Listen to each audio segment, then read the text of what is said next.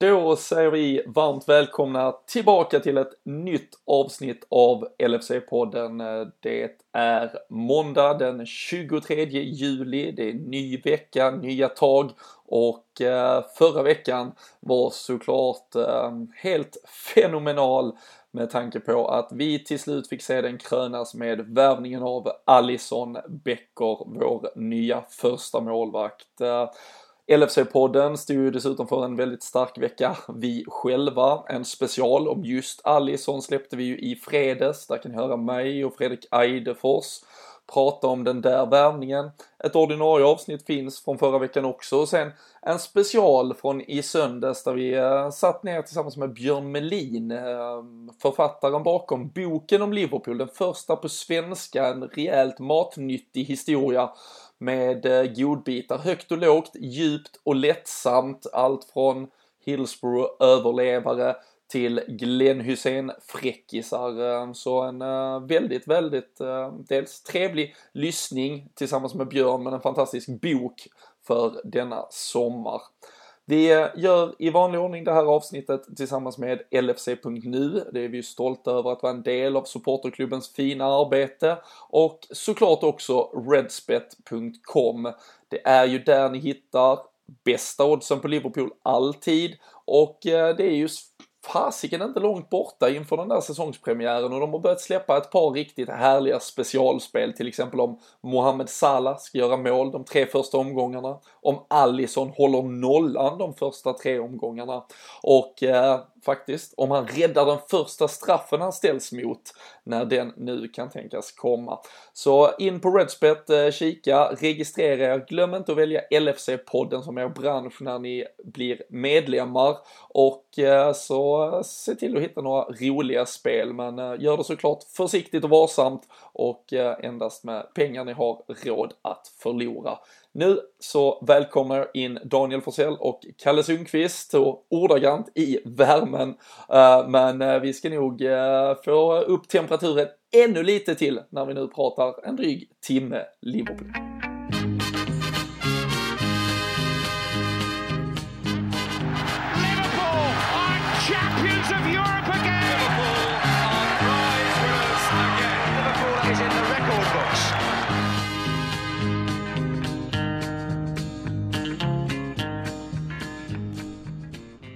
Jajamensan, då sitter vi här igen. Som sagt, måndag den 23 juli.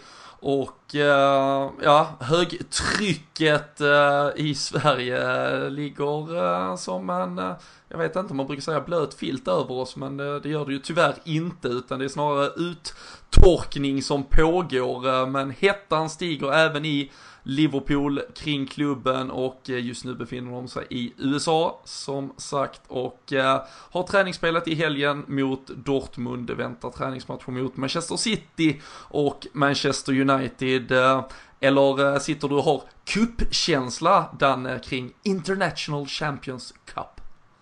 Nej, det känns väl lite mer träningsmatch-feeling eh, på de här matcherna. Det jag läste att det var många som ändå hade taggat till lite mer igår jämfört mot eh, de här Blackburn och Chester och Bury och de matcherna vi har haft. Men, och det kan man väl köpa med det motståndet men... Eh, ah, jag, jag, kan inte känna att man brydde sig så mycket trots att det blev en, en förlust istället. Men jag hade ju, ja, vi kommer ju till det sen, men jag hade ju blivit rosenrasande om vi hade fått en straff emot oss så någon gång under säsongen i övrigt. Så det var väl beviset på att det var en träningsmatch då, att man inte får i taket för den eh, straffen där. Jag fick även upp nu i helgen att det var, det var ett år sedan, sedan vi vann eh, Premier League Asian Trophy. 2-1 i finalen mot Leicester borta i Asien. Eh, Kalle knäppte upp en liten whisky och firade årsdagen av den tunga triumfen. Ja, en, en öl unnade jag mig faktiskt. okay. Så stort tyckte jag inte att det var att det var värt en whisky, men en öl kan det vara värt. Ja, nej, absolut. Hur, uh, men hur kände du där Danne? Du kan börja, du, du nämner ändå, man märkte lite som sagt på sociala medier, det var ju avspark trots allt klockan 10 en söndag, nu har väl visserligen de flesta semester, men man märkte ändå att surret och intresset steg upp lite. Kan, kan du känna själv att du gick upp en halv nivå i alla fall efter de här som sagt lokaluppgören som har varit tidigare då, de fyra första träningsmatcherna? Ja, en halv nivå kanske man kan, kan ge det faktiskt. För det är ju ändå... Det är väl lite för att det börjar närma sig säsongen nu och att det är lag som ändå har lite mer kvalitet eh, också. Nu tycker jag inte att vi matchade på något annorlunda sätt. Eller vi bytte ut hela laget precis som vi har gjort i de matcherna med. Men det är klart att när man möter lag som, som ska vara ungefär lika bra så blir det väl lite roligare match även om... Eh, ja, även om inte kanske träningsmatcher blir riktigt så heta som, eh, som en annan typ av matcher blir. Men eh, det är klart att Dortmund är ju lite roligare än, än Chester till exempel. Mm. Ja men som du säger, fr från ett rent Liverpool-perspektiv var det egentligen ingen skillnad på hur vi tog oss an matchen, på hur vi roterade, liksom hur vi fördelade speltid. Um, jag hade väl däremot en liten känsla, jag gick in på våra kära partners eh, Redspet, eh, la en liten slant på att Dortmund skulle vinna det här, för de hade ju trots allt spelat en match mot, mot City tidigare, De man kanske liksom hade kommit upp lite mer i tempo än från de här första matcherna, men nu var det ju lite tur uh, ur ett spelperspektiv uh, att det är satt, men Kalle, det kändes som att Liverpool ändå var det laget som faktiskt var var mer i form och tempo än, än vad Dortmund var sett över spelet i 90 minuter. Eh, ja, det tycker jag faktiskt. Det slog mig under matchen egentligen att jag satt och funderade på det själv många gånger att är det här verkligen Dortmund? Man har ju ändå ganska stora tankar om dem sen de senaste åren, men det kändes inte som att det var som att det var det Dortmund man var van att se och Liverpool var väl det laget som ändå trots att bollinnehavet var relativt jämnt, 50-50 tror jag det var i första halvlek, men det var ju mm. Liverpool som styrde spelet ändå och, och hade det mesta dels, alltså taktpinnen i matchen måste jag ändå säga. Så att eh, en liten uppryckning mot, mot de tidigare matcherna vi har spelat, men ändå är väl inte jag riktigt inne på Dannes spår. jag är ingen sån som brusar upp så mycket över, över preseason-matcher. Det är väl egentligen de här sista man ser sista veckan innan ligan drar igång som man ändå kan dra någon form av växlar av, eller man ska säga. Mm. Det är ju fortfarande, vi väntar ju på en, eh, en Shakiri som ska ansluta till truppen. Det kommer han göra i USA. Eh, Mohamed Salah, eh, Marko Grudzic och eh, Sadio Mané har ju anslutit men, men spelar än så länge inte. Eh, står väl över i veckan också men, eh, men tros få lite minuter till helgen mot United då i avslutande matchen. Gini Wijnaldum också en av de som är med men hållits utanför på grund av att han har haft lite ja, lite skadebekymmer ska inte vara något eh, allvarligt. Eh, däremot Kalle, så eh, en eh, Joel Matip som ganska tidigt eh, fick gå ut. Vi har ju tidigare i podden pratat om att en, en Dejan Lovren eventuellt inte kommer vara redo för en premiärmatch med tanke på att han har en semester och kommer bara komma tillbaka ett par dagar innan det drar igång på grund av Kroatiens fina VM. Um, ehm, i, i, en trupp som annars, när Allison föll på plats i förra veckan, började kännas så gott som klar. Vi pratar liksom om att nu, ja, det är pusselbitar som faller på plats. Sen har väl just mittbacksfrågan ändå varit lite utsatt, men man har börjat så här lite halvt se mellan fingrarna på den för att allt annat har stärkts upp. Hur, hur orolig känner du dig just nu kring mittbacksfrågan som ändå blossar upp lite här nu igen? Ja, den får ju lite nytt liv nu egentligen i och med att Matip ändå går sönder. Nu är det ju ingen stor skada, men å andra sidan så har ju Lovren gjort ett, ett bra VM och ändå på något sätt från och med det så har man ju egentligen accepterat han och van Dijk som vårt första mittbackspar. Eh, samtidigt så är vi ju, vi vet ju att vi är ganska sårbara och Matip är ju skadebenägen och likaså Joe Gomez också. Så att bakom egentligen Lovren och Matip så har vi två egentligen olika som man inte riktigt kan räkna med en hel säsong. Samtidigt som att vi vet att Lovren kommer göra det bra, men han kommer även ha sina stunder där det inte går så bra. Så att jag är väl ändå fast beslutsam över att vi kanske skulle ha haft en, en bra mittback till. Klavan finns ju också där, men det, det är ingen spelare som jag liksom rankar så, så speciellt högt. Inte i den här upplagan av Liverpool ändå, som är vi ändå håller på att bygga upp. Så att jag tycker ändå att vi borde kunna få in en eh, relativt bra mittback. Nu tror jag ju inte att det är på Klopps priolista, men för, i min bok så... Jag ska inte säga att jag är orolig över mittbacksfrågan, men jag skulle ändå vilja ha en till spelare med lite kvalitet och kanske avlasta någon av dem med inte lika mycket kvalitet. Nu tror jag inte att det kommer hända, men det är ju det är fritt att önska nu när det är sommar och fint väder. Absolut. Nej, vi ska vi har fått massvis med frågor också. Vi kommer eh, såklart att göra vårt yttersta att besvara så många som möjligt eh, lite längre fram. Ehm, ett, eh, ett frågetecken som annars kom upp igen, Danne. Det är ju såklart egentligen uträttat på så sätt att nu har vi värvat en Allison, men det hälldes mer och mer bensin på denna eld som verkligen brinner kring Loris Karius. Han eh, inledde efter, vad var det, två minuter med att sätta en, en mm. passning upp i gapet på en offensiv Dortmund-spelare som eh, utan att använda Ola Toivonen-kyla eh, misslyckas med att lägga in den där bollen i nät. Och eh, sen får han även kritik för det sista målet. Eh, det, det, det, därom lär väl de lärda tvista hur mycket han ska göra det bättre eller sämre på grund av hur han är skymd och så vidare. Men återigen, vi kan väl bara börja med att konstatera och fullständigt fördöma all den jävla idioti som eh, försiggår på sociala medier. Eh, det är personer som känner att man eh, ska ta sig tid att tagga en människa eller gå in på hans direkta privata konton och skriva typ du är dum i huvudet, dra åt helvete, uh, ni är så jävla usla ni som gör det. Uh, jag tror och hoppas inte att det är någon svensk supporter. Uh, man får verkligen tycka vad man vill om hans fotbollsinsatser och vad han har för kvalitet just nu, men lämna fan resten däran. Men eh, det, det, lämnar ju trots allt frågor nu, Danne. Vi, vi har ju pratat här i podden om att vi kanske ser ett drömscenario med en, en Mignolet som skulle acceptera en roll som andra målvakt. Vi, vi, tog, vi utgick ifrån redan faktiskt i förra veckan att Danny Ward skulle bli såld. Det blev han, det blev bekräftat lite senare.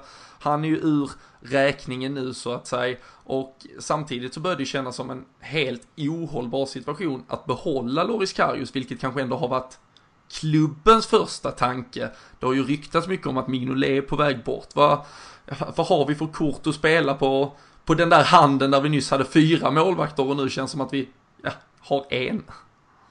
Nej, det är ju som du är inne på. Det känns ju som att hans situation, om man börjar där, börjar bli liksom ohållbar i klubben. Det, han har, han har ju inte mycket stöd kvar även om det finns många som stöttar honom om man säger på typ sociala medier och sånt. Men det är ju snarare att stötta han mot de här idioterna än att stötta hans eh, insatser i Liverpool-tröjan. För de, eh, hur, vad man än tycker om personen bakom liksom, så kan man ju inte hålla på på det sättet som du säger att många gör. Men däremot så kan man ju verkligen eh, tycka vad man vill om hans eh, kvaliteter eller in, insatser framförallt. För han har ju visat innan att han har kvaliteter men det måste ju det känns som att det måste sitta mentalt för honom nu. Alltså det är ah, svårt att, att se att det finns någon eh, jättebra lösning som inte innebär att han, att han lämnar klubben. Sen om det är på lån eller permanent så känns det väl som att eh, ja, det vi pratade om när vi, vi satt tillsammans med Fredrik Eidefors förra veckan. Att Mignolet stannar och att eh, att han kanske lämnar på lån och att Ward skulle lämna då. Det var väl, var väl kanske drömmen. Men sen nu, det har ju kommit mer under veckan att Mignolet också kanske vill röra på sig. Och det förstår man ju. Alla målvakter vill väl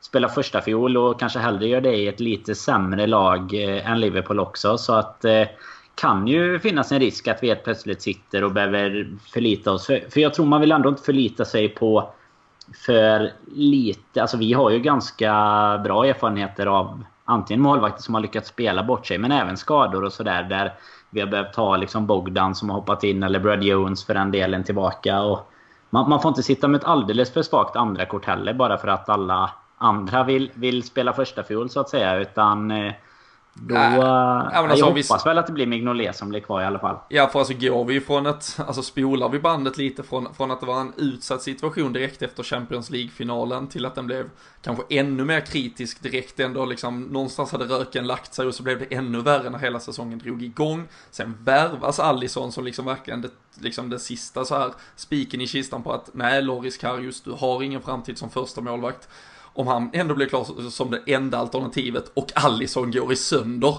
och så ska han gå in och spela sju mm. matcher.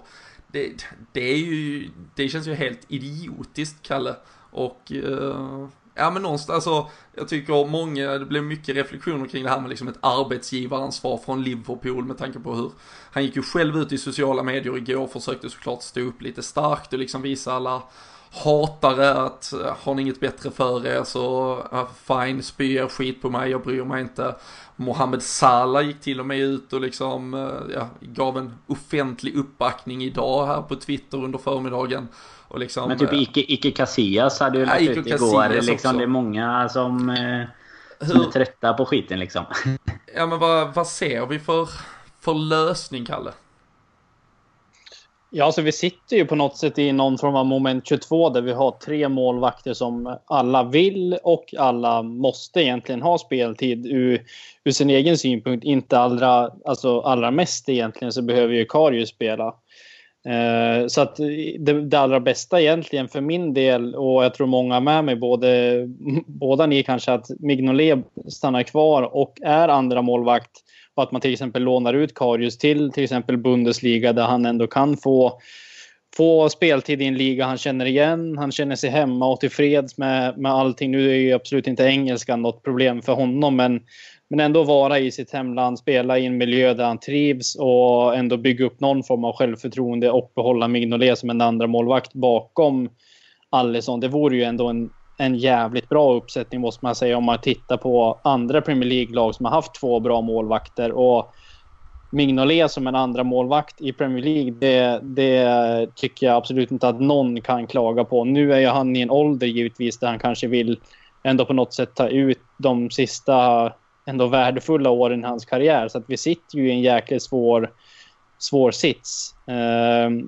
nu, nu tror jag med största sannolikhet att Karius blir kvar och att vi kanske säljer Mignolet. Men, men för min del vore det bästa att göra helt tvärtom egentligen. Att låna ut Karius och behålla Mignolet. Mm. Äh, jag, jag, jag, jag är av den personliga åsikten att jag tycker det vore ett Nej, men ett helt sinnessjukt beslut att eh, behålla Loris Karius som, ett, som en tvåa. För det, alltså en tvåa ska verkligen vara beredd att, att spela matcher. Och äh, jag ser inte det hända. Samtidigt när man läser ryktena om Mignolet, det har varit på tal om ett Barcelona, alltså det är också många alternativ där han skulle gå dit och bli andra målvakt och det ser jag som, det vore ju extremt klantigt skött av Liverpool om han skulle gå till en annan klubb och bli andra målvakt i alla fall. Är han liksom benfast med att han vill till ett lag där han är i stort sett garanterad 38 matcher, då, då har vi väl någonstans inte jättemycket att säga till om till slut. Även om vi vet att klubben kan, kan sätta ner foten och säga sitt. Men skulle vi behöva släppa Mignolet av olika anledningar, då hade jag ändå tittat på en lösning där vi hade, där vi hade skickat iväg Loris Karius på ett lån och det skulle innebära att vi behöver fylla på med en andra målvakt om ja, ett drömscenario som spelar som Peter Käck till exempel som börjar bli överflödig i ett Arsenal. Nu ryktas han ju såklart vara på väg till ett, ett Chelsea kanske igen eller att han ska till någon annan Premier League-klubb och vill göra flera år som första målvakt. Men, men att vi helt enkelt tittar på ett helt annat alternativ och, och går in för en ny tvåa. Um, för Loris Karius, hans, hans dagar tror jag är räknade och uh, jag ser inte något positivt i att han utsätts för den miljö som Tyvärr, och den, den är ju skapt av, eh, av vissa supportrar, eh, knappt att de ska kalla sig det såklart, men, men också av såklart de prestationerna han har stått för. Det, han, även om han inte hade fått en kritik riktad mot sig eller fått personliga påhopp så vet han ju själv, du vet, man vet själv när man inte sköter sitt jobb särskilt bra och man vet själv när ja, chefen är trött på en och väljer att värva in någon annan i, i en ställe. Uh, så jag tror att han har självinsikten och förstår att det här inte går särskilt bra just nu och då, då bör den bästa lösningen vara att han kommer iväg någon annanstans. Ehm. Det sköna igår var ju ändå att man satt med vetskapen att man... Alltså man, man satt ju ändå någonstans och tänkte att fan vad gött att vi har löst det här problemet nu. Nu har vi en etta som vi kan lita på. Man, man kände ju bara, alltså hade vi inte varit klara med Alisson om man hade sett det. Då hade man ju kanske själv fått, fått mer eh, jobbiga känslor liksom. Igår kan jag ändå tycka. Då, då kändes det mer synd om Alltså man blev mer synd om människan än att man blev arg på prestationen. Liksom. Ja. Så kan man eh, väl sammanfatta tack vare att vi hade löst, ja, löst Alisson egentligen. Hade vi inte gjort det då hade jag nog varit mer arg på prestationen än vad jag hade tyckt synd om Karius just då i alla fall. Vi kan eh, nog konstatera att Roma hade kunnat få ut sista ett par 50 miljoner till i alla fall om de hade hållit ut lite. Men uh, nu ser ju de istället ut att uh, värva Robin Olsen, precis som vi flaggade upp för en vecka sedan här i podden. Så uh, poddkarusellen har uh, snurrat in än så länge. Podden avslöjar. Ja, absolut. Bättre än när vi breakade Victor Valdes för tre och ett halvt år sedan. Så um, vem vet, det kanske är han som kommer som, han kanske som blir andra, andra, and, andra spaden nu här. Ja. Fenomenalt. Vad eh, tar vi annars med oss? Danne, du var upprörd över eh, straffsituationen när eh, Pulisic flög in i Ragnar Klavan och ja. sen tryckte dit boll. Ja, eller, eller det var väl det jag inte... Jag blev inte så upprörd, men jag hade det, ju Det varit, fanns potential jag, för upprördhet. Ja, exakt. Jag hade ju varit extremt upprörd om det hade betytt någonting, matchen liksom. Det, det var ju... Det var jäkligt konstigt att domaren väljer att blåsa där. Sen eh, känner jag väl, alltså jag tar ändå med mig från matchen att jag tyckte att vi var det bättre laget. Och var ganska, även om vi förlorade med 3-1 så är man ganska nöjd liksom med att, att det ändå såg så pass mycket bättre ut tycker jag. Sen, eh, det var ju ändå med två helt olika elvor i stort sett. Det var Klein spelade lite längre och Matip lite kortare och, och sådär. Men eh, nej, jag tyckte det var en, en bra genomförd match av oss och inget som liksom ger några orosmål. Det var väl snarare spelarprestationer som... Eh, vi var inne och touchade anfallarna där. Och Rigi bland annat eh, är ju en spelare som inte har tagit tillvara på sina möjligheter till att visa upp sig nu tycker jag. Och han har väl eh, fasen nästan spelat sig ur de tankarna. Jag hade ändå ganska goda förhoppningar om att han skulle kunna vara en, en av de som skulle kunna stanna som om en lite backup bakom Firmino eller för att ändra spelsätt till exempel. Men det är nog en av de spelarna jag är mest besviken på faktiskt än så länge. Får vi väl se om han lyckas med mer här mot Manchesterklubbarna i veckan. Men det, det behöver han nog göra. Annars skulle jag nog se till att skeppa honom innan säsongen faktiskt.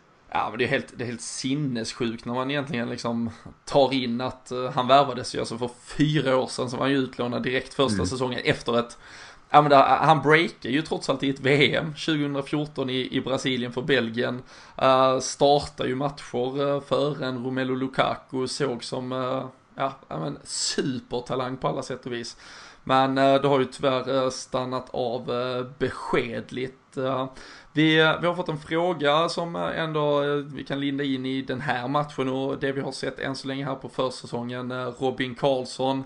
Vem eller vilka skulle kunna få ett Robertson eller Trent Alexander-Arnold ja, år, eller då deras utveckling. De gick ju, det pratade jag och Fredrik om senast, som gick från att inte ens var ordinarie i elvan i, vid säsongstarten i fjol till att ja, vara mer än ordinarie och väldigt viktiga pusselbitar i ett lag som spelade Champions League-final till slut. Eh, han skriver förhoppningsvis Gomes, eh, Joe Gomes såklart. Kalle har um, kikarsiktet uh, ställts in på något uh, extra spännande under de här första matcherna under försäsongen? Um, nej, inte riktigt sådär att det kommer någon uh, outsider som ändå Robertson är och, och Trent får man ju ändå säga att de kommer från att man inte har så speciellt höga förhoppningar och framförallt inte med den säsongstarten Robertson hade när han på något ologiskt sätt satt på bänken och inte ens var med i truppen vissa gånger. Men uh, jag har väl ändå på något sätt eh, återfunnit eh, min kärlek till Daniel Sturridge ändå hopp hoppas och tror att han kommer kunna spela en väldigt viktig roll, även om det inte kommer vara som en, en startspelare många gånger. Men det kommer finnas utrymme för honom om han håller sig skadefri att få... Jag tror att han kan få riktigt mycket speltid faktiskt i vissa olika formationer och även Även om det kanske inte är så många starter så kommer han ändå kunna spela en väldigt viktig roll i, i Liverpools offensiv och det går att pussla med de där uh, siffrorna egentligen om man spelar 4-2-3-1 eller om man vill spela så kommer det finnas en plats för honom. Och jag tror att han på något sätt kommer kunna acceptera den nu också. Från att ha gått på ett lån till West Brom som som absolut inte gick som han tänkte. Han ville ju liksom väcka om karriären på nytt och komma med till VM och det vart skada på en gång. Så att jag tror han kommer kunna acceptera att ändå spela någon form av en, eh, en liten roll i skymundan från startelvan men ändå vara med och, i det här laget som, som kommer vara med och slåss i toppen. Jag tror att både han och, och Klopp har, har säkert diskuterat en bra lösning där. Så att, eh, jag måste ändå säga Daniel Sturridge på något sätt. Mm. Vi, vi, har fått en fråga från eh, Joakim Johansson. Vi kan, ju, vi kan ju fortsätta lite på Sturridge-spåret. Eh, men eh, det, det, är just det som Kalle är inne på, Danne. Vad, vad, vad vi tror nu. Är han, inom situationstecken, tillbaka Och vad förtjänar han en plats i laget till nästa säsong? Jag tror ju inte att Joakim menar startelvan, den, den är ju ganska intakt offensivt sett, men det, det, det, är väl lite som Kalle säger, han, han är ju otroligt het här än så länge på försäsongen. Ja, absolut. Och det är ju ett eh, fint sparkapital att ha på bänken och kunna, lite som Kalle är inne på där, om vi behöver rotera någon formation där vi behöver ha in en, en anfallare likt vi gjorde mot Brighton i slutet på säsongen där och där vi Solanke gick upp på den och Bobby gick ner i en, en roll nedanför egentligen i en 4-2-3-1. Då är ju Starwich absolut den av anfallarna som känns mest kompatibel att gå in med en absolut högst högsta nivå jämfört med Ings, Solanke och Origi Eh, nu glömmer jag säkert någon bara för vi har eh, så jäkla många dödkött där uppe. Men, men det, är ju, det är ju av dem så känns det som att eh, han ligger allra närmast. Och med en, en riktig försäsong nu i benen. Han har ju, det får man inte glömma. Han har ju fasen varit skadad typ varenda försäsong som han eh, medverkat i. Så att han... Eh, Eh, sen säger ju inte ja, det att han inte kommer bli skadad alltså, Det är ju explosivitet tillbaka i benen på ja, ett ja, men det känns så spel, spelglädje och liksom han och, och Keita om man tar dem som exempel. De verkar ha hittat varandra extremt bra och det känns som att han liksom har kommit in i det från start den här säsongen. Eh, så kändes det inte alls på samma sätt eh, tidigare tycker inte jag. Ända egentligen nästan sen Sen till, han spelat tillsammans med Suarez där så att eh, nej det är väl förhoppningen egentligen och ska man gå på det som har varit hittills så tycker jag ju att han ska vara kvar. Och att det finns ganska mycket annat som vi kan, kan skicka före honom. För som sagt, högsta nivån finns ju där. Det har ju visat att han är ju en jäkligt fin avslutare. Så att han är ändå en sån spelare som kan komma in om det är lite låst också. Även om han inte kanske är jätteduktig på att skapa själv. Det är väl det som har varit hans stora problem tycker jag innan. Mm. Jag, jag, tror ju på ändå på något sätt att jag, han har ju varit ute i, i sociala medier och, pla, och pratat om en ny roll som han har benämnt det själv. Så att det känns ändå på något sätt, eh, utan att ha någon form av kött på benen vad det gäller information eller så, men att det finns en plan för Starwich att han att han ska ha någon form av roll i det här laget som både han och Klopp ändå känner sig tillfreds med. Så att eh, jag är med dig Dan, Dan, att det finns mycket annat att, att skeppa före honom trots att han har den skadehistoriken han har. Men en eh, hel Starrich som ändå har, ha den näsan för målet han har kommer ändå kunna bidra med mycket mer än en hel Origi. Så att eh, Alltså problemet för honom är också att han får ju gå till en klubb på typ ja, från plats 10 och neråt om han ska bli garanterad 38 starter tror jag. Jag tror inte att det är någon annan av, av liksom toppklubbarna eller sådär som, som hade nosat på honom direkt heller. Så att det är ju hans alternativ är ju egentligen att om han ska vara kvar i absoluta toppen, det är ju att acceptera en sån roll. Ja men det är väl också, alltså, nu har vi pratat om det tidigare på på kanske lite lägre nivå. Vi har pratat det här med alla utlåningar som vi har sett och det vi däremot har också har pratat om i, i fem år i den här podden är det här med att bygga trupper. Vi, ja men ett Manchester United som, ja men som utan problem kan sätta en eh, Martial eller en Rashford på bänken i ja, men i, i 28 av 38 matcher och så vidare. Och de är ju sen ändå aktuella för landslag och liksom, de är ju heta på mark, de är en del av en, ja men en stor trupp och de, de vet att de ändå behåller en elitstatus. Alltså jag kan ju, jag tror ju att Daniel Sturridge har en större sannolikhet att liksom få ett lyft av sin karriär, få tillbaka en engelsk landslagsplats genom att ja men vara en, en impact-avbytare. Han spelar då och då i ett Liverpool och är en del av en trupp som plötsligt går otroligt starkt och mm, förhoppningsvis är rent av med och utmanar i den absoluta toppen. Än att han går på ett nytt lån och ja, spelstilen där kanske inte passar alls mot mot, mot liksom den är inte anpassad mot hur han vill spela fotboll. Det blir ett tränarbyte för att allt går åt helvete och så. Att han ska inte in i den miljön överhuvudtaget. Det är han inte gjord för. Liverpool måste hitta ett läge. Skulle man vilja liksom göra slut på på, på sin relation till Daniel Sturridge, då ska han säljas en gång för alla och då ska man försöka få så bra betalt som möjligt och då ska man ju sälja honom när han är i någon form av, av liten form. Men jag tyckte också The Redman TV skrev det otroligt bra, liksom han är som den här ja men det här exet, man, man har dumpat flera gånger men så flörtar man lite, man blir lite halvkär igen, man tror det ska bli bättre denna gången och sen Sen går det antagligen åt helvete igen. Men som de skrev, det är fan värt att chansa liksom. Och, eh, och, och någonstans känner man väl det, speciellt med tanke på att en Origi, en Solanki har visat noll under försäsongen. Danny Ings har lyckats vara skadad i stort sett hela försäsongen nu igen eller träna på egen hand för att liksom bygga upp sig. Och eh, där känns det, jag, jag är 99% säker på att Danny Ings lämnar Liverpool i sommar.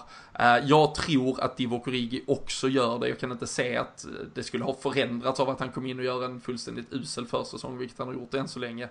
Um, så tror jag däremot snarare att, jag menar att Daniel Sturridge kan bli en viktig del av truppen. Sen är det ju mycket möjligt att han drar en baksida efter två minuter i första inhoppet och så är allt åt helvete.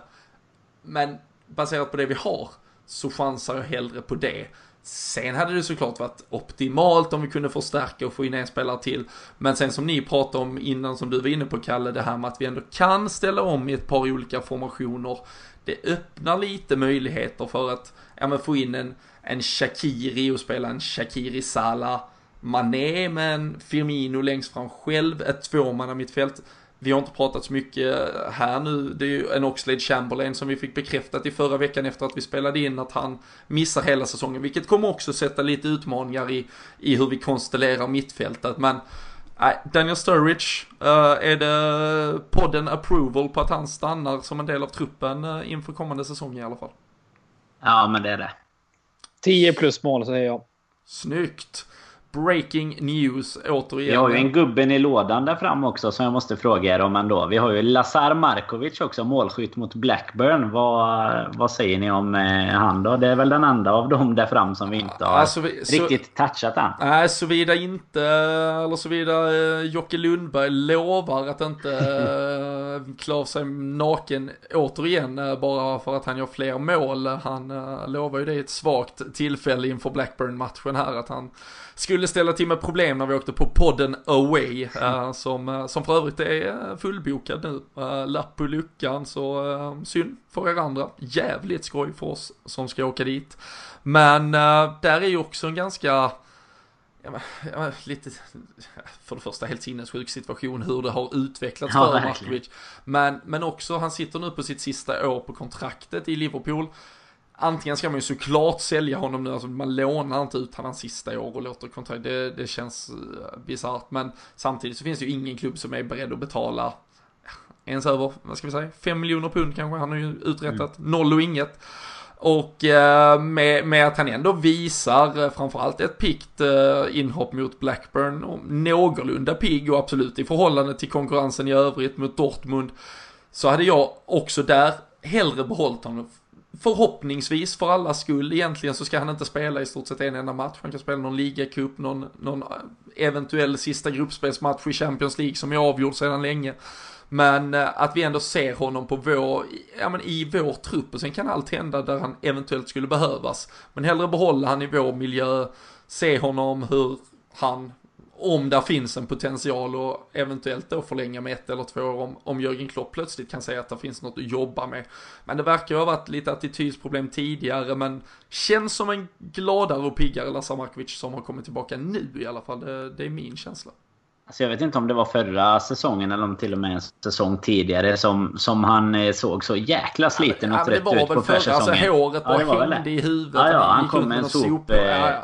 ja, helt sinnessjukt. Då, det är ju det man verkligen kan jämföra med nu. Nu ser han ju ändå så här spelsugen ut. Han ser ändå ut att vara i rätt bra form. Alltså jag tycker han har eh, imponerat. De här två matcherna har han ju absolut inte varit, alltså gjort bort sig eller någonting. Han är distinkt i avslutet i målet där mot eh, Blackburn. Och rätt bra löpningar och verkar ju vara, vara rätt arbetsvillig ändå på det sättet som Klopp. Alltså han behöver väl lite eh, Kloppification, kan vi claima det ordet kanske? Så det är lite det här pressspelet bara för att... Alltså annars känns det som en spelare som vad han var när han kom för några år sedan då. Så hade ju kunnat passa perfekt i ett klopplag. Men eh, det är också fyra år sedan som vi, som vi baserar den faktan på då. Sen har man ju typ inte sett honom mer än springande som eh, right wingback under, wingback under Rodgers liksom utvisad med någon hand upp i Safaris ansikte där. Annars har det inte varit så mycket mer. Nej, jag ska fan ju... ner, och, ner och utkräva reva, revansch på Safari här när jag springer på, på stadion. det, hade varit, det hade varit sjukt kul att, att se honom ändå så som du är inne på Robin. Att han skulle stanna och, och alltså inte givetvis vara någon startspelare eller utmanare om det. Men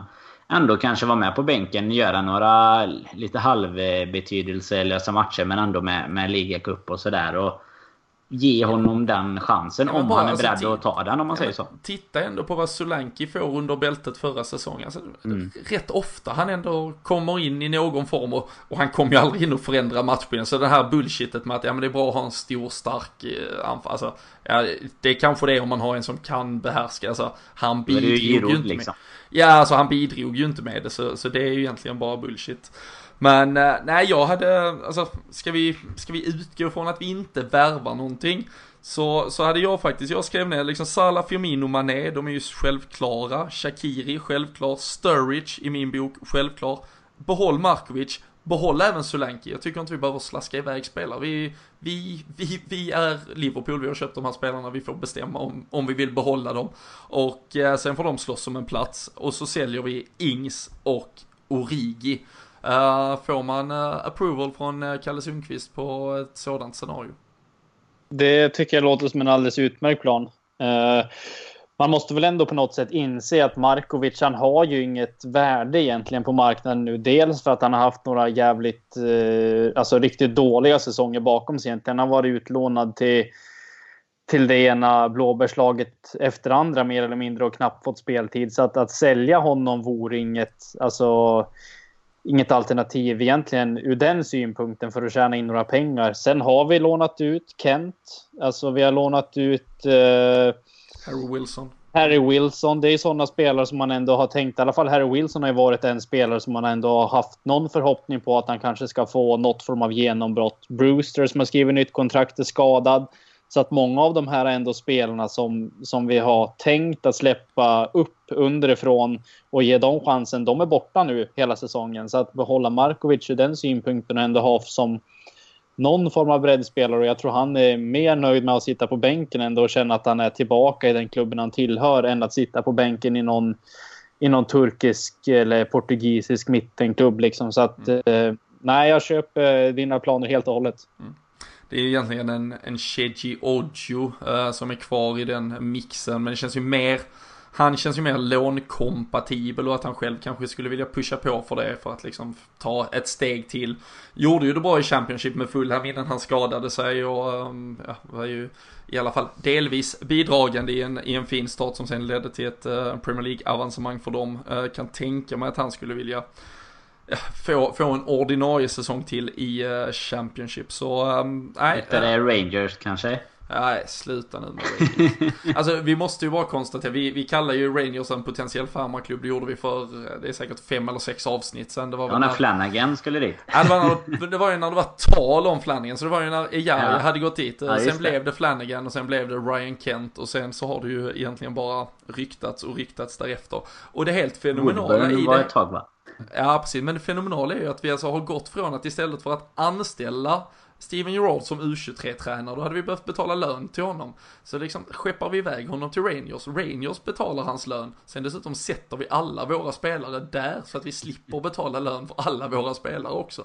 Så äh, är det ju briljant lösning av Liverpool, sen är jag ju tveksam till om Ja, uh, Hibernian och de andra, uh, Saint Patrick Tissel eller vad fan de heter, är något att ehm, ja, eh, ha att komma med egentligen i förhållande till den är väl inte ens egentligen bättre än Championship om vi ska vara helt ärliga, skotska ligan. Och det är ju Inte om, egentligen man lite... tittar, inte om du tittar på lagen som Nej. spelar, alltså de, de övre halvan om man De, säger de så, du så möter inte 9 de av har- 10 matcher är ju... Nej, men, ja men precis, det är ju Celtic och de är ju snarare kanske Premier League då. Ja, så Ja. eh, nej, så, så jag vet egentligen inte hur den sportsliga delen, hur jävla klokt det här Rangers-projektet är. Ehm, som Rangers-supporter hade jag ju också varit fullständigt i eld och lågor över att man har blivit en, alltså uttalad farmarklubb. Det, mm, de har såklart varit igenom pina efter pina, men eh, nu var de, De har fan inte tillbaka. Flanagan innan i alla fall. Nej. Eh, så, mm, vi får väl eh, se. Tror du, tror du det sätts några fler eh, i, spelare i Rangers, Kalle? Nej, jag hoppas inte det. Karius i Rangers. Ja, varför, jag vet inte vad de har för jävla stolpe i mål där, men det är säkert lyckas spela på sig bort därifrån också. Ja, fy fan.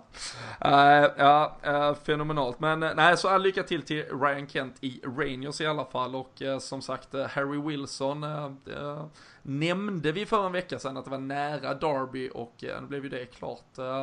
På tal om Steven Gerrard som tränare så blir det Frank Lampard som tränare där. Han verkar ju lite på samma sätt som Gerard utnyttjar sitt kontaktnät. Och vad tror vi om den miljön, kallar för Harry Wilson? Vi, vi pratade ju innan om att vi faktiskt hade velat se honom kanske i en Liverpool-miljö, men nu eh, blir det förhoppningsvis toppen av Championship i alla fall. Ja, alltså det, är ju, alltså det han behöver egentligen är ju speltid. Sen det är klart att man hade önskat att han hade kunnat fått eh, någon möjlighet i, i Liverpool. Han har ju mer eller mindre bombat in mål varenda match. Han har gjort uppåt 30 mål, om inte mer, i, i U23-laget. Så att uh, han, han har ju näsa för målet och det har man ju sett i försäsongsmatcherna också där vi har mött de här första lagen vi mötte som kanske inte håller speciellt hög kvalitet, men man ser ändå att det finns någonting där. Så att för honom att komma till en klubb som som ändå på något sätt kommer eh, vara med och slåss om uppflyttning till Premier League utgår man ifrån. Nu är inte jag helt insatt i Darbys trupp, men de har ju varit uppe där några år nu och, och slagits om det. Så att, och ändå under ledning av en sån som Frank Lampard. Min känsla är att han kan vara en tränare som gillar att släppa fram det här unga, nya och vill ändå ge dem chansen. Så att jag tror att det kan bli bra. Mm.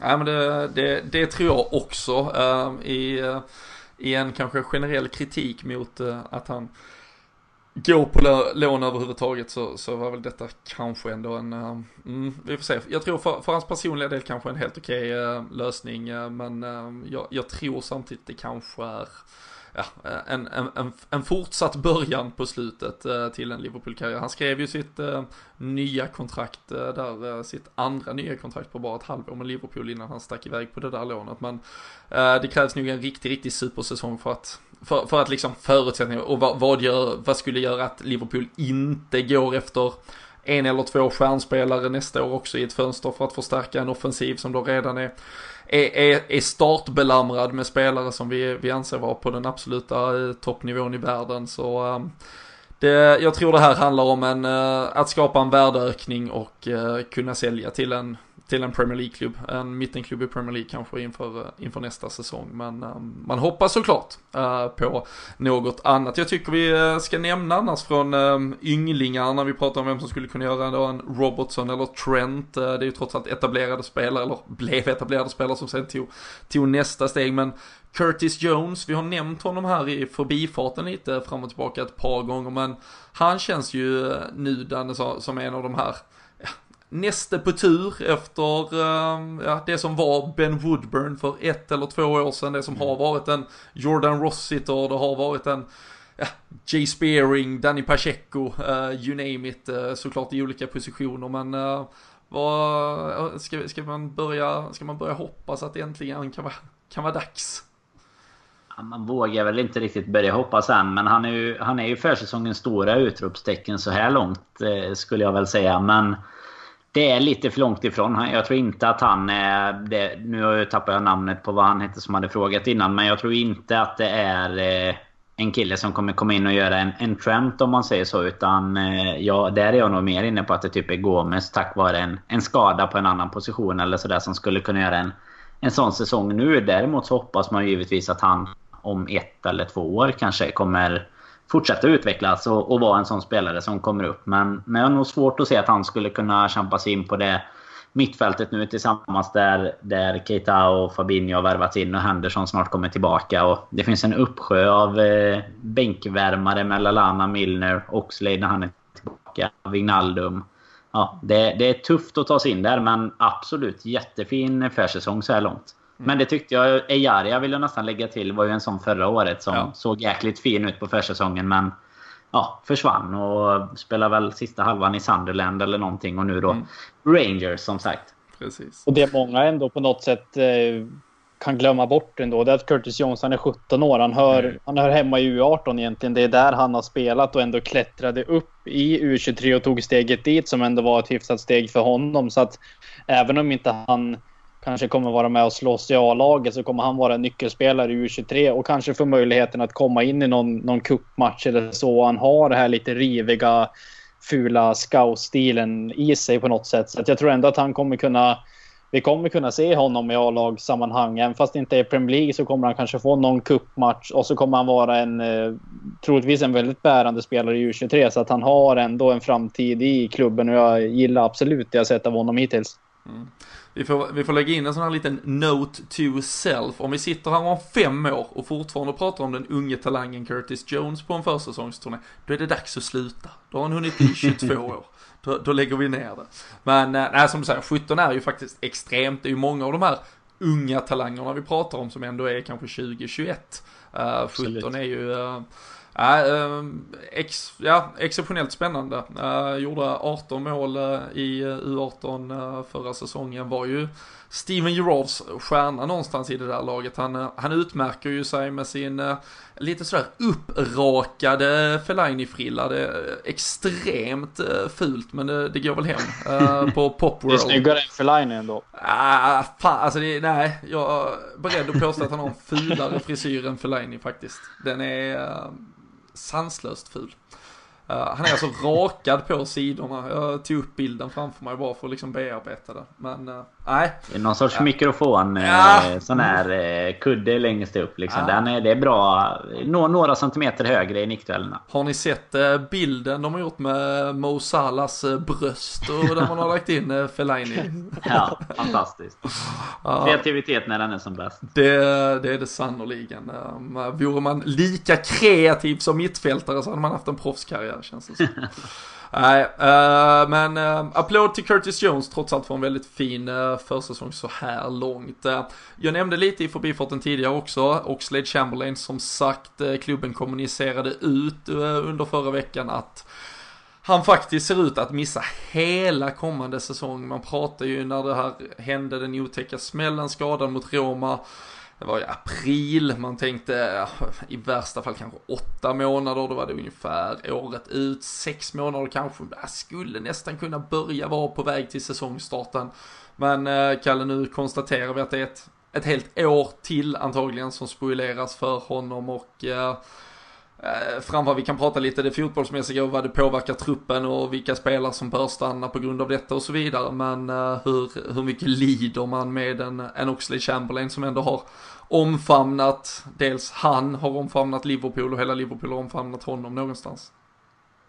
Ja, det är ju fruktansvärt mycket såklart. Eh, jag kunde absolut inte tro att det var att det var så illa och att man ändå har hållit det, hållit det inne så länge. Det verkar inte som att det var någon, någon nyhet för varken eh, Klopp eller honom att det var så pass illa. Så att det är klart att man lider som fan med honom. Det, dels för att han kom in som en frisk fräkt i laget och eh, liksom full fart framåt och bara det älskar man ju. Och man tycker honom ännu mer som person med allt man har sett under förra säsongen. Så att nej, det, det är nog det tyngsta bakslaget Eh, hittills. Det, vi har inte haft så jättemånga bakslag hittills med, med skador så länge, men nej, det, det känns riktigt tungt både för laget för att vi har jävligt mycket att hämta i honom Eh, och han kan bidra med, med fruktansvärt mycket. Men eh, att ändå på något sätt se honom att ta det här nästa steget i, i karriären, göra det jävligt bra när han får ändå komma in andra halvan av säsongen egentligen och, och,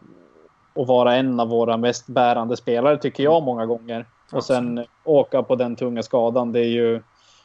Nej, det är, det är jävligt tungt faktiskt. Det som sägs är ju att man faktiskt ganska omgående konstaterar att den var så här allvarlig men att man även, även till och med liksom mot lagkamrater valde att, och liksom absolut då ut från klubben valde att liksom bara mörka helt och hållet omfånget på skadan för att man inte ville att det skulle störa och det här har liksom varit Oxley Chamberlains egna önskemål i det hela också att liksom, ja men lägg, vi pratar inte ens om det nu, jag vill inte att det läggs något fokus på det. Det var en säsongsavslutning som, som var så viktig, som, som skulle kunna krönas i Kiev. Uh, det, är ju, det är ju någonstans lite hedersmedalj den, uh, bara där. Det, han, han försvagar ju inte sina aktier uh, kring Merseyside i alla fall. Nej, men det är just det som, som har blivit lite Oxlade eh, under förra säsongen. Han kom ju med ganska mycket tveksamheter. Liksom ganska hög prislapp ändå. Kanske inte för att vara intent i Premier League så, men det var ju ändå många... Alltså jag tror att de flesta ändå kände att okej, okay, nu, nu tar vi in en, en bänkspelare eller lite sådär. Men precis som ni är inne på där så gick han ju från klarhet till klarhet. Togs in i truppen, var en av våra allra finaste spelare under andra halvan av säsongen. Men sen framförallt då personen bakom liksom. Som fan, han gick ju verkligen från dag ett till att komma ut några video på när han går och hälsar på mattanterna och skojar lite och sådär.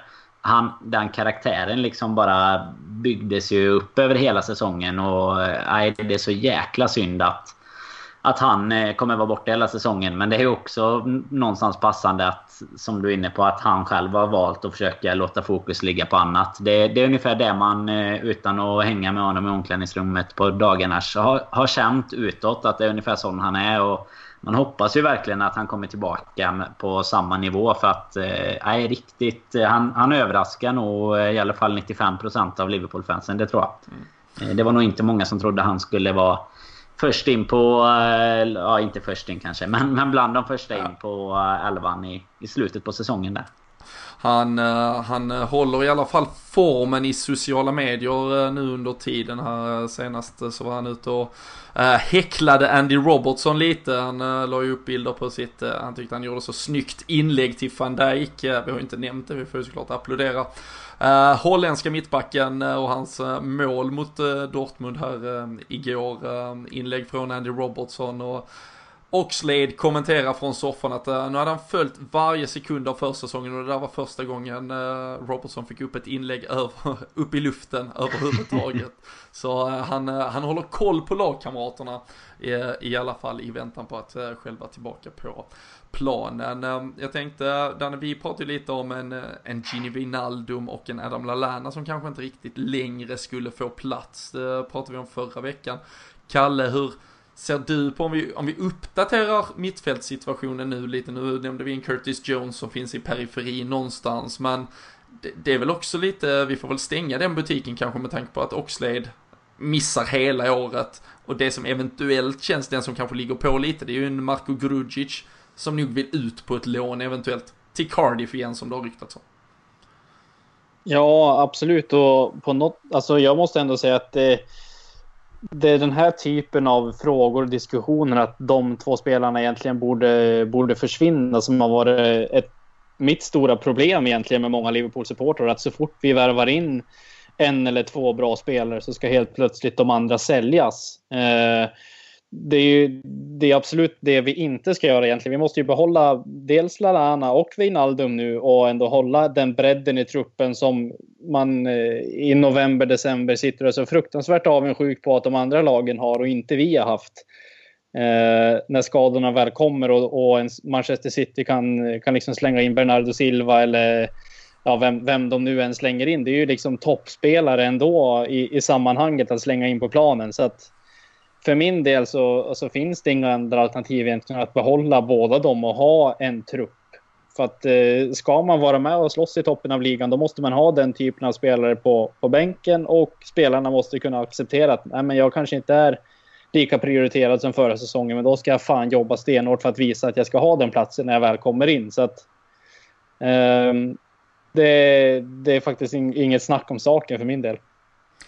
Nej, det, nej, jag, jag, jag håller med dig fullständigt. Vi, vi pratar väl lite om, jag, jag är ju lite kritisk kanske till vad Adam Lallana kommer att kunna tillföra. Uh, vi pratar ju såklart lite i, uh, dels med, med i beaktning att en Alex Oxlade Chamberlain skulle, skulle vara tillbaka tidig, absolut tidigare än, uh, än det som nu är fallet, men kanske rent av att han skulle vara tillbaka i höst.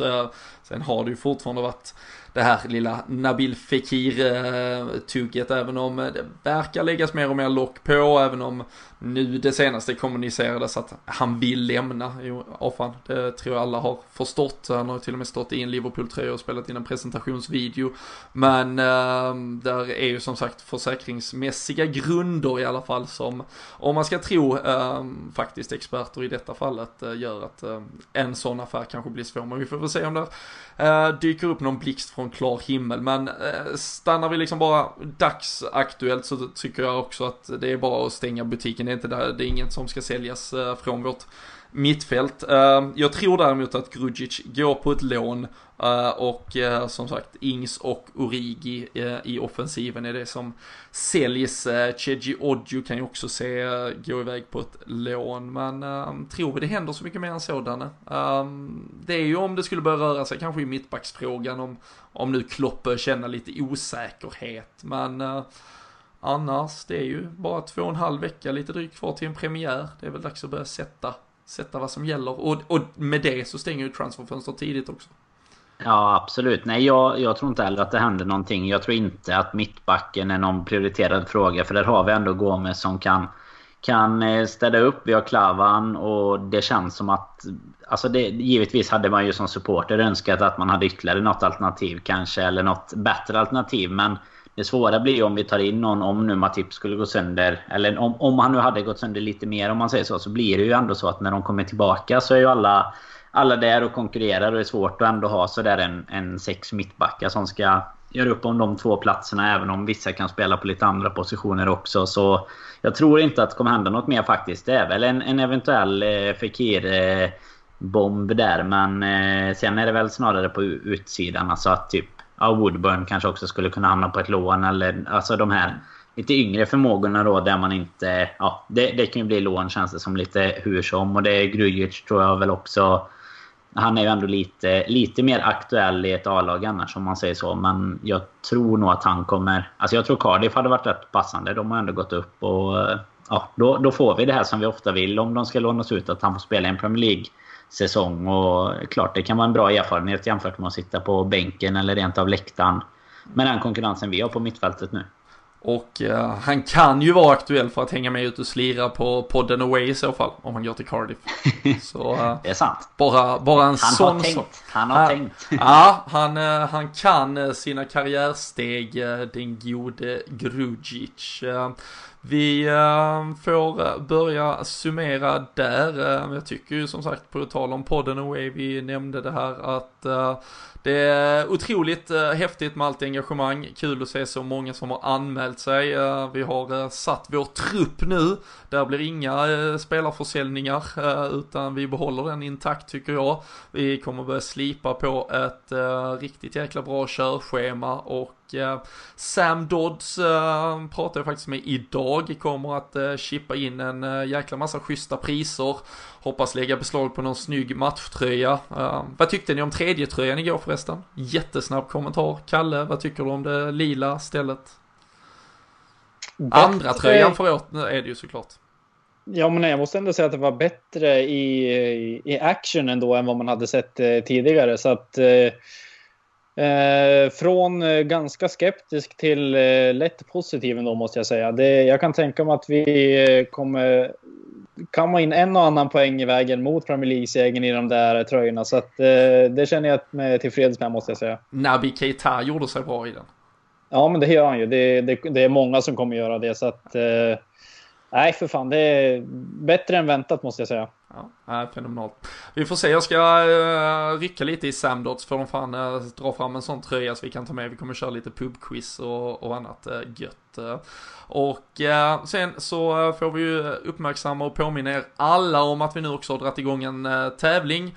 Den är öppen för alla som lyssnar och som följer oss på Twitter det enda man behöver göra är att signa upp sig på podme.com där har vi våra premiumavsnitt. Eh, och det är ju helt gratis att göra det i 30 dagar och det räcker att man kör den där gratisvarianten. Vill man inte fortsätta sen gör man inte det. Men eh, förhoppningsvis så vill man väl stanna kvar. Men eh, signa upp er, spela upp ett avsnitt, lyssna på det i lugn och ro nu en ljummen sommarkväll och så tar ni en printscreen i telefonen när ni spelar upp det där avsnittet.